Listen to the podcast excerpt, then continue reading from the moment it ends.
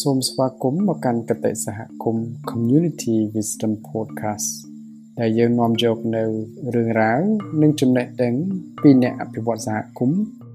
ដើម្បីចែករំលែកជាមួយមិត្តអ្នកស្ដាប់របស់យើងសម្រាប់ថ្ងៃនេះខ្ញុំនឹងធ្វើការសង្ខេបនិងធ្វើការឆ្លុះបញ្ចាំងចំណុចមួយចំនួនទៅលើផែនការសកម្មភាពស្ដីពីការធ្វើ ឲ្យប្រសើរឡើងនៅការថែទាំជំនួសចំពោះកុមារឆ្នាំ2023ដល់ឆ្នាំ2027ដែលផែនការនេះត្រូវបានដាក់ឲ្យប្រើប្រាស់នៅក្នុងដើមឆ្នាំ2023នេះបាទមូលហេតុដែលខ្ញុំលើកយកផែនការសកម្មភាពមួយនេះដើម្បីធ្វើការចែករំលែកព្រោះខ្ញុំគិតថាវាមានសារៈសំខាន់ ការថែទាំជំនួសគឺជាផ្នែកមួយដែលសំខាន់មែនទែនទៅលើការផ្ដល់សេវាដល់កុមាររងគ្រោះក៏ដូចជាកុមារងាយរងគ្រោះគ្រប់ប្រភេទសម្រាប់លោកអ្នកដែលធ្វើការនៅក្នុងវិស័យសង្គមគិច្ចប្រហែលជាចាំថាកាលពីឆ្នាំ2006 រាជរដ្ឋាភិបាលបានដាក់ចេញនូវគោលនយោបាយស្តីពីការថែទាំជំនួសចំពោះកុមារហើយតាំងពីគោលនយោបាយនោះត្រូវបានដាក់ចេញមកក្រសួងសង្គមគិច្ចបានរៀបចំនៅបទដ្ឋានជាច្រើនក្នុងនេះមានបទដ្ឋានសម្រាប់បទដ្ឋានអបបបាលសម្រាប់ការថែទាំជំនួសចំពោះកុមារនៅក្នុងមណ្ឌលថែទាំនេះគឺនៅក្នុងឆ្នាំ2006 ហើយយើងមានបទដ្ឋានអបបរមាសម្រាប់ការថែទាំចំនួនចំពោះកុមារនៅតាមសហគមន៍នឹង2ឆ្នាំក្រោយមកនៅក្នុងឆ្នាំ2008ហើយយើងមានប្រកាសស្ដីពីនីតិវិធីអនុវត្តគោលនយោបាយស្ដីពីការថែទាំជំនួសចំពោះកុមារនៅក្នុងឆ្នាំ2011ហើយមានប្រកាសផ្សេងៗទៀតដូចជា ប្រកាសស្ដីពីនីតិវិធីអនុវត្តការថែទាំកុមារដោយសាច់ញាតិនិងឪពុកម្ដាយធរថ្មីថ្មីនេះដែរទេនៅក្នុងឆ្នាំ2022ហើយនឹងមានប្រកាសផ្សេងផ្សេងទៀតដែលដែលខ្ញុំមិនអាចលើកនៅក្នុងឱកាសពេលនេះបានទេ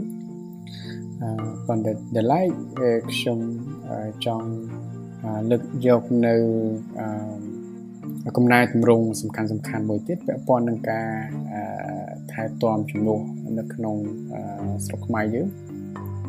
យើងមានអនុក្រឹត្យលេខ119កាលពីឆ្នាំ2015ស្ដីពី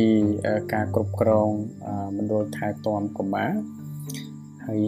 ខ្ញុំគិតថានេះគឺជាអនុក្រឹត្យមួយដែលមានសារៈសំខាន់មែនទែនក្នុងការ ធ្វើកំណែតម្រង់ការថែទាំកុមារនៅក្នុងមណ្ឌលថែទាំ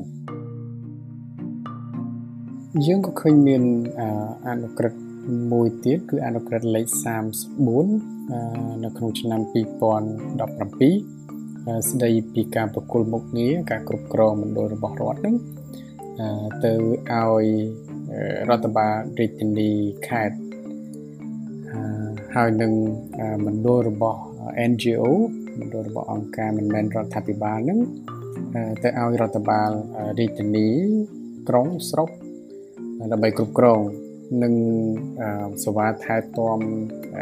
កុមាររងគ្រោះឬងាយរងគ្រោះនៅតាមសហគមន៍នឹងគឺប្រគល់ទៅឲ្យរដ្ឋបាលរាជធានីរដ្ឋបាលក្រុងនិងរដ្ឋបាលឃុំនឹងគឺជា លិខិតបទដ្ឋានកតិយុត្តសំខាន់សំខាន់ដែលជួយគ្រប់គ្រងជាទូទៅទៅលើកំណែតម្រង់ការថែទាំដែលឡែកមានសារៈសំខាន់សម្រាប់សេវាថែទាំជំនួស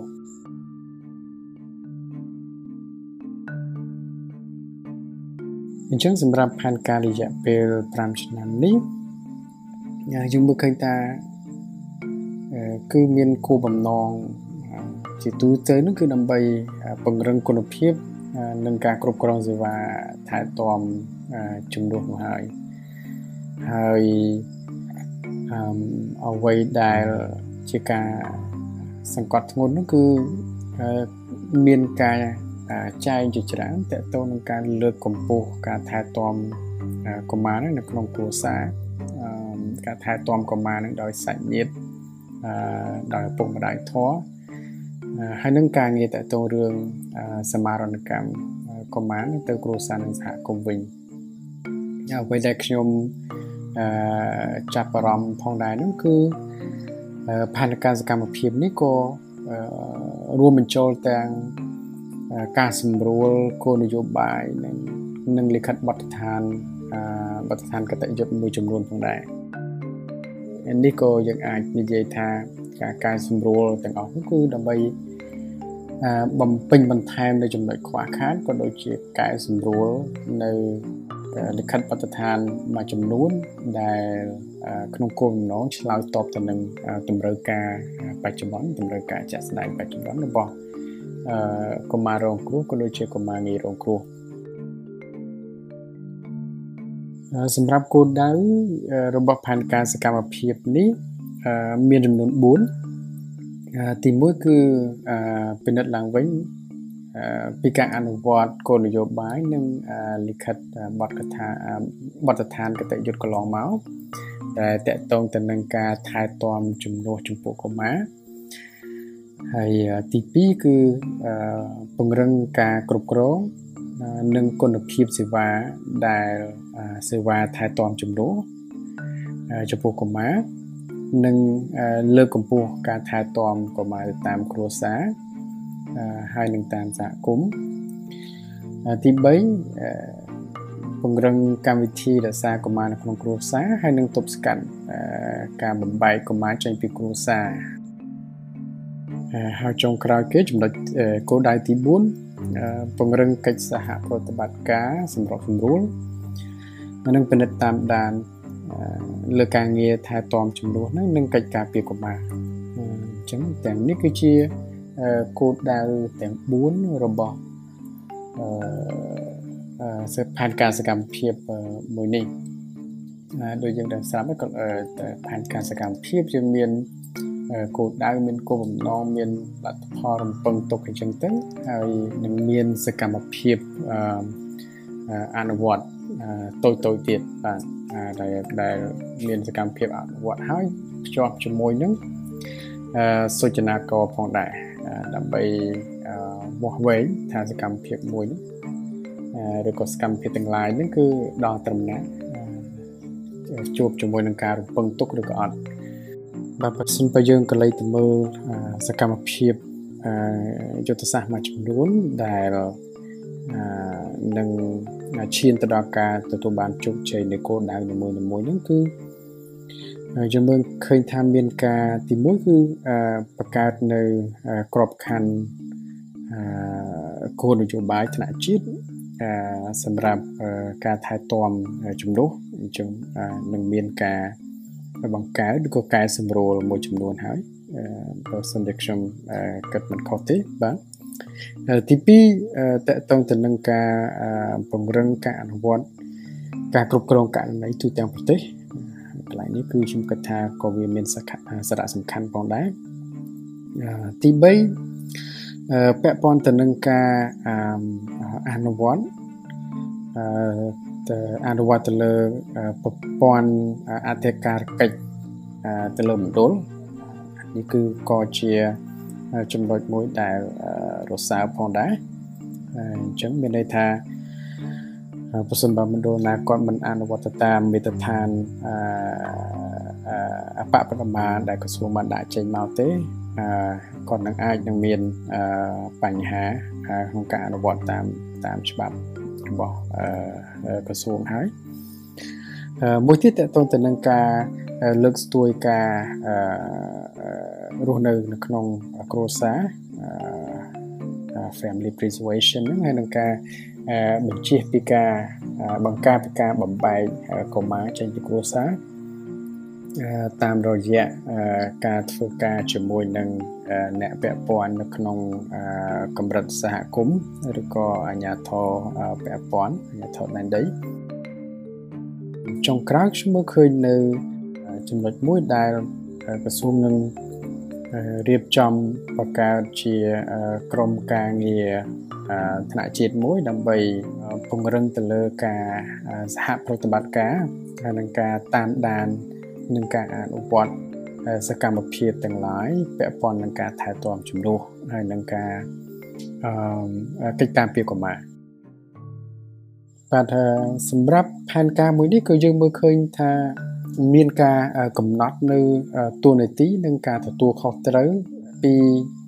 ភាគីផ្សេងផ្សេងផងដែរក្នុងនោះមានក្រសួងសង្គមគិច្ចខ្លួនឯងមានក្រសួងពាក់ព័ន្ធផ្សេងទៀត មានអាជ្ញាធរថ្នាក់ក្រោមជាតិមានសង្គមស៊ីវិលមានម្ចាស់ជំនួយខាងស្ថាប័នឯកជនវិស័យឯកជនមានប្រព័ន្ធផ្សព្វផ្សាយឬក៏ខាងសាសនាសហគមន៍គ្រួសារហើយនិងកុមារផងដែរយើងក៏មើលឃើញថាដើម្បី អនុវត្តផែនការសកម្មភាពរយៈពេល5ឆ្នាំនេះទទួលបានជោគជ័យក៏មានការដាក់កំណត់ឬក៏យើងហៅថាមាន estimate មានការប៉ាន់ប្រមាណការចំណាយថវិកាប្រមាណ2លាន88ម៉ឺនដុល្លារបាទអញ្ចឹងនៅក្នុងនោះរដ្ឋបដិញ្ញាចិត្តក្នុងការ ចាយលុយប្រមាណ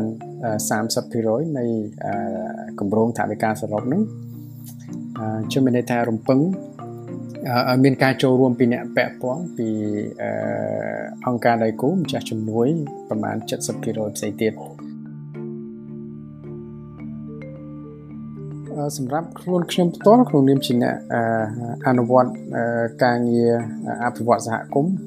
ខ្ញុំស្វាគមន៍សម្រាប់សម្រាប់ផែនការសកម្មភាពមួយនេះព្រោះគិតថាជាជំហានមួយដ៏វិជ្ជមានក្នុងការធ្វើឲ្យប្រសើរឡើងនៅស្ថានភាពកុមារដែលរស់នៅនៅក្នុងមណ្ឌលថែទាំកុមារងាយរងគ្រោះកុមាររងគ្រោះផែនការមួយនេះគឺវាឆ្លោះបញ្ចាំងទៅលើ ការបដិញ្ញាចិត្តក៏ដូចជាកិច្ចខិតខំប្រឹងប្រែងរបស់ក្រសួងសង្គមគិច្ចក៏ដូចជាដៃគូរបស់ក្រសួងផងដែរនៅក្នុងការធ្វើការកំណែតម្រង់វិស័យថែទាំកុមារនៅក្នុងប្រទេសខ្មែរយើង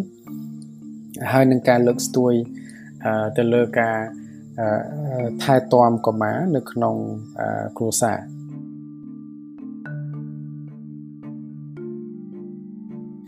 នៅពេលដែលបានអានផែនការសកម្មភាពនេះពីដើមដល់ចប់ខ្ញុំមើលឃើញនៅចំណុចមួយចំនួនដែលខ្ញុំចង់ធ្វើការឆ្លុះបញ្ចាំងវាមាន5ចំណុចហើយខ្ញុំគិតថា5ចំណុចនេះអាចទៅជាបញ្ហាប្រឈមក្នុងការអនុវត្តផែនការនេះឲ្យទទួលបានជោគជ័យនិងមានប្រសិទ្ធភាពចំណុចទី1តកតងទៅនឹងកង្វះ ធនធានថាវិការហើយនឹងធនធានមនុស្សតែម្ដងនៅក្នុងការអនុវត្តផែនការសកម្មភាពនេះឲ្យទទួលបានមានប្រសិទ្ធភាពនិងជោគជ័យទី2តកតងទៅនឹងភាពមិនស៊ីសង្វាក់គ្នារវាងអ្នកអនុវត្តក្នុងចំណោមភាគីដៃគូ NGO ក្នុងចំណោមអឺ អ្នកសេណាតគេហៅថាសេនាធិការរបស់ក្រសួងអឺនឹងអាជ្ញាធរដែនដីហើយនឹងអ្នកដែលផ្ដល់សេវាថែទាំចំនួននោះអឺទី3តកតងនឹងអឺការដែលមិនយល់អំពីផលប៉ះពាល់នៃគេថាផលប៉ះពាល់ជាអវិជ្ជមានពីមណ្ឌលថែទាំកុមារក្នុងចំណោមអ្នកពាក់ព័ន្ធជាពិសេសគឺអាណាព្យាបាលពុកម្ដាយនៅក្នុងសហគមន៍ម្ចាស់ជំនួយផងដែរជាពិសេសហ្នឹងគឺភ្ញៀវទេសចរ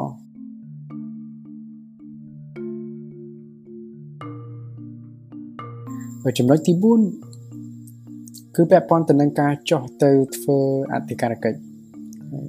យើងមើលឃើញថាប្រសិនបើការចោះទៅ ធ្វើអធិការកិច្ចទៅតាមមណ្ឌលថែទាំកុមារហ្នឹងអឺទាំងមាន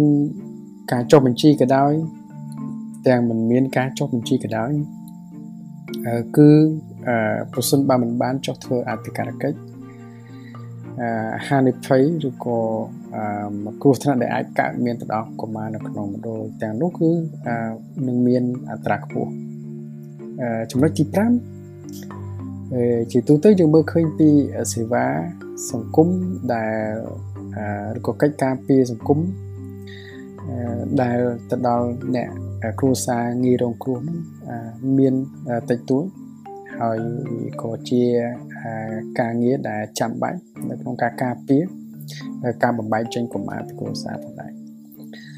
អញ្ចឹងចំណុចទាំង5ខាងលើវាជាបញ្ហាប្រឈម ដែលខ្ញុំមើលឃើញថាវាអាចនឹងកើតមានក៏ប៉ុន្តែក៏ជាចំណុចទាំង5ដែលអ្នកពាក់ព័ន្ធគួរតែធ្វើការពិនិត្យក៏ដូចជាដាក់អត្ថភាពនៅក្នុងការប្រកាសថាចំណុចទាំងនេះត្រូវបានដោះស្រាយអឺសាជាថ្មីវាពាក់ព័ន្ធទៅនឹងធនធានធនធានថវិកាធនធានមនុស្សហើយ វាពាក់ព័ន្ធនឹងការស៊ីសង្វាក់គ្នានៅក្នុងចំណោមអ្នកពាក់ព័ន្ធទាំងអស់នៅក្នុងការប្រកាសថាការផ្ដល់សេវាហ្នឹងការផ្ដល់សេវាថែទាំចំនួនហ្នឹងគឺវាមានគុណភាពតកតងទៅនឹងការលើកកម្ពស់ការយល់ដឹងជាសាធារណៈគួរតែជាចំណុចដែលត្រូវការ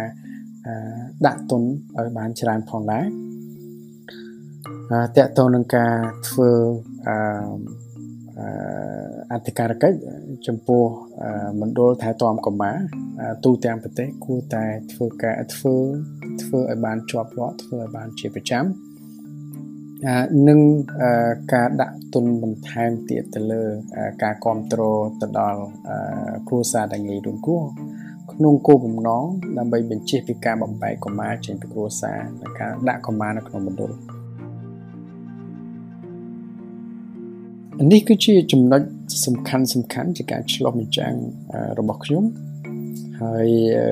ខ្ញុំពិតជាជារួមមានសុទ្ធិធនិយមចំពោះផែនការសកម្មភាពរយៈពេល5ឆ្នាំនេះប្រសិនបើផែនការសកម្មភាពនេះត្រូវបានអនុវត្តបានជោគជ័យហើយជាពិសេសទៅលើចំណុចទាំង5ដែលខ្ញុំបានលើកឡើងនេះយើងនឹងអាចមើលឃើញនៅភាព ផ្លាស់ប្ដូរជាច្រើននៅក្នុងសេវាថែទាំជំនួសនៅក្នុងប្រទេសកម្ពុជា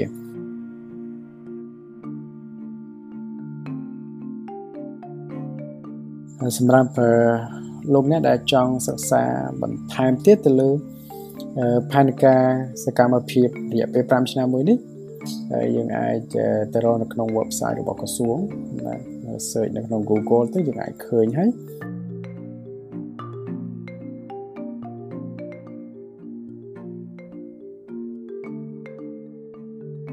បាទអរគុណច្រើននេះគឺជាចុងបញ្ចប់នៃការចែករំលែករបស់ខ្ញុំអរគុណម្នាក់ស្ដាប់ពីកតេសហគមន៍ Community Wisdom Podcast យើងនឹងជួបគ្នាពេលក្រោយទៀតសូមអរគុណ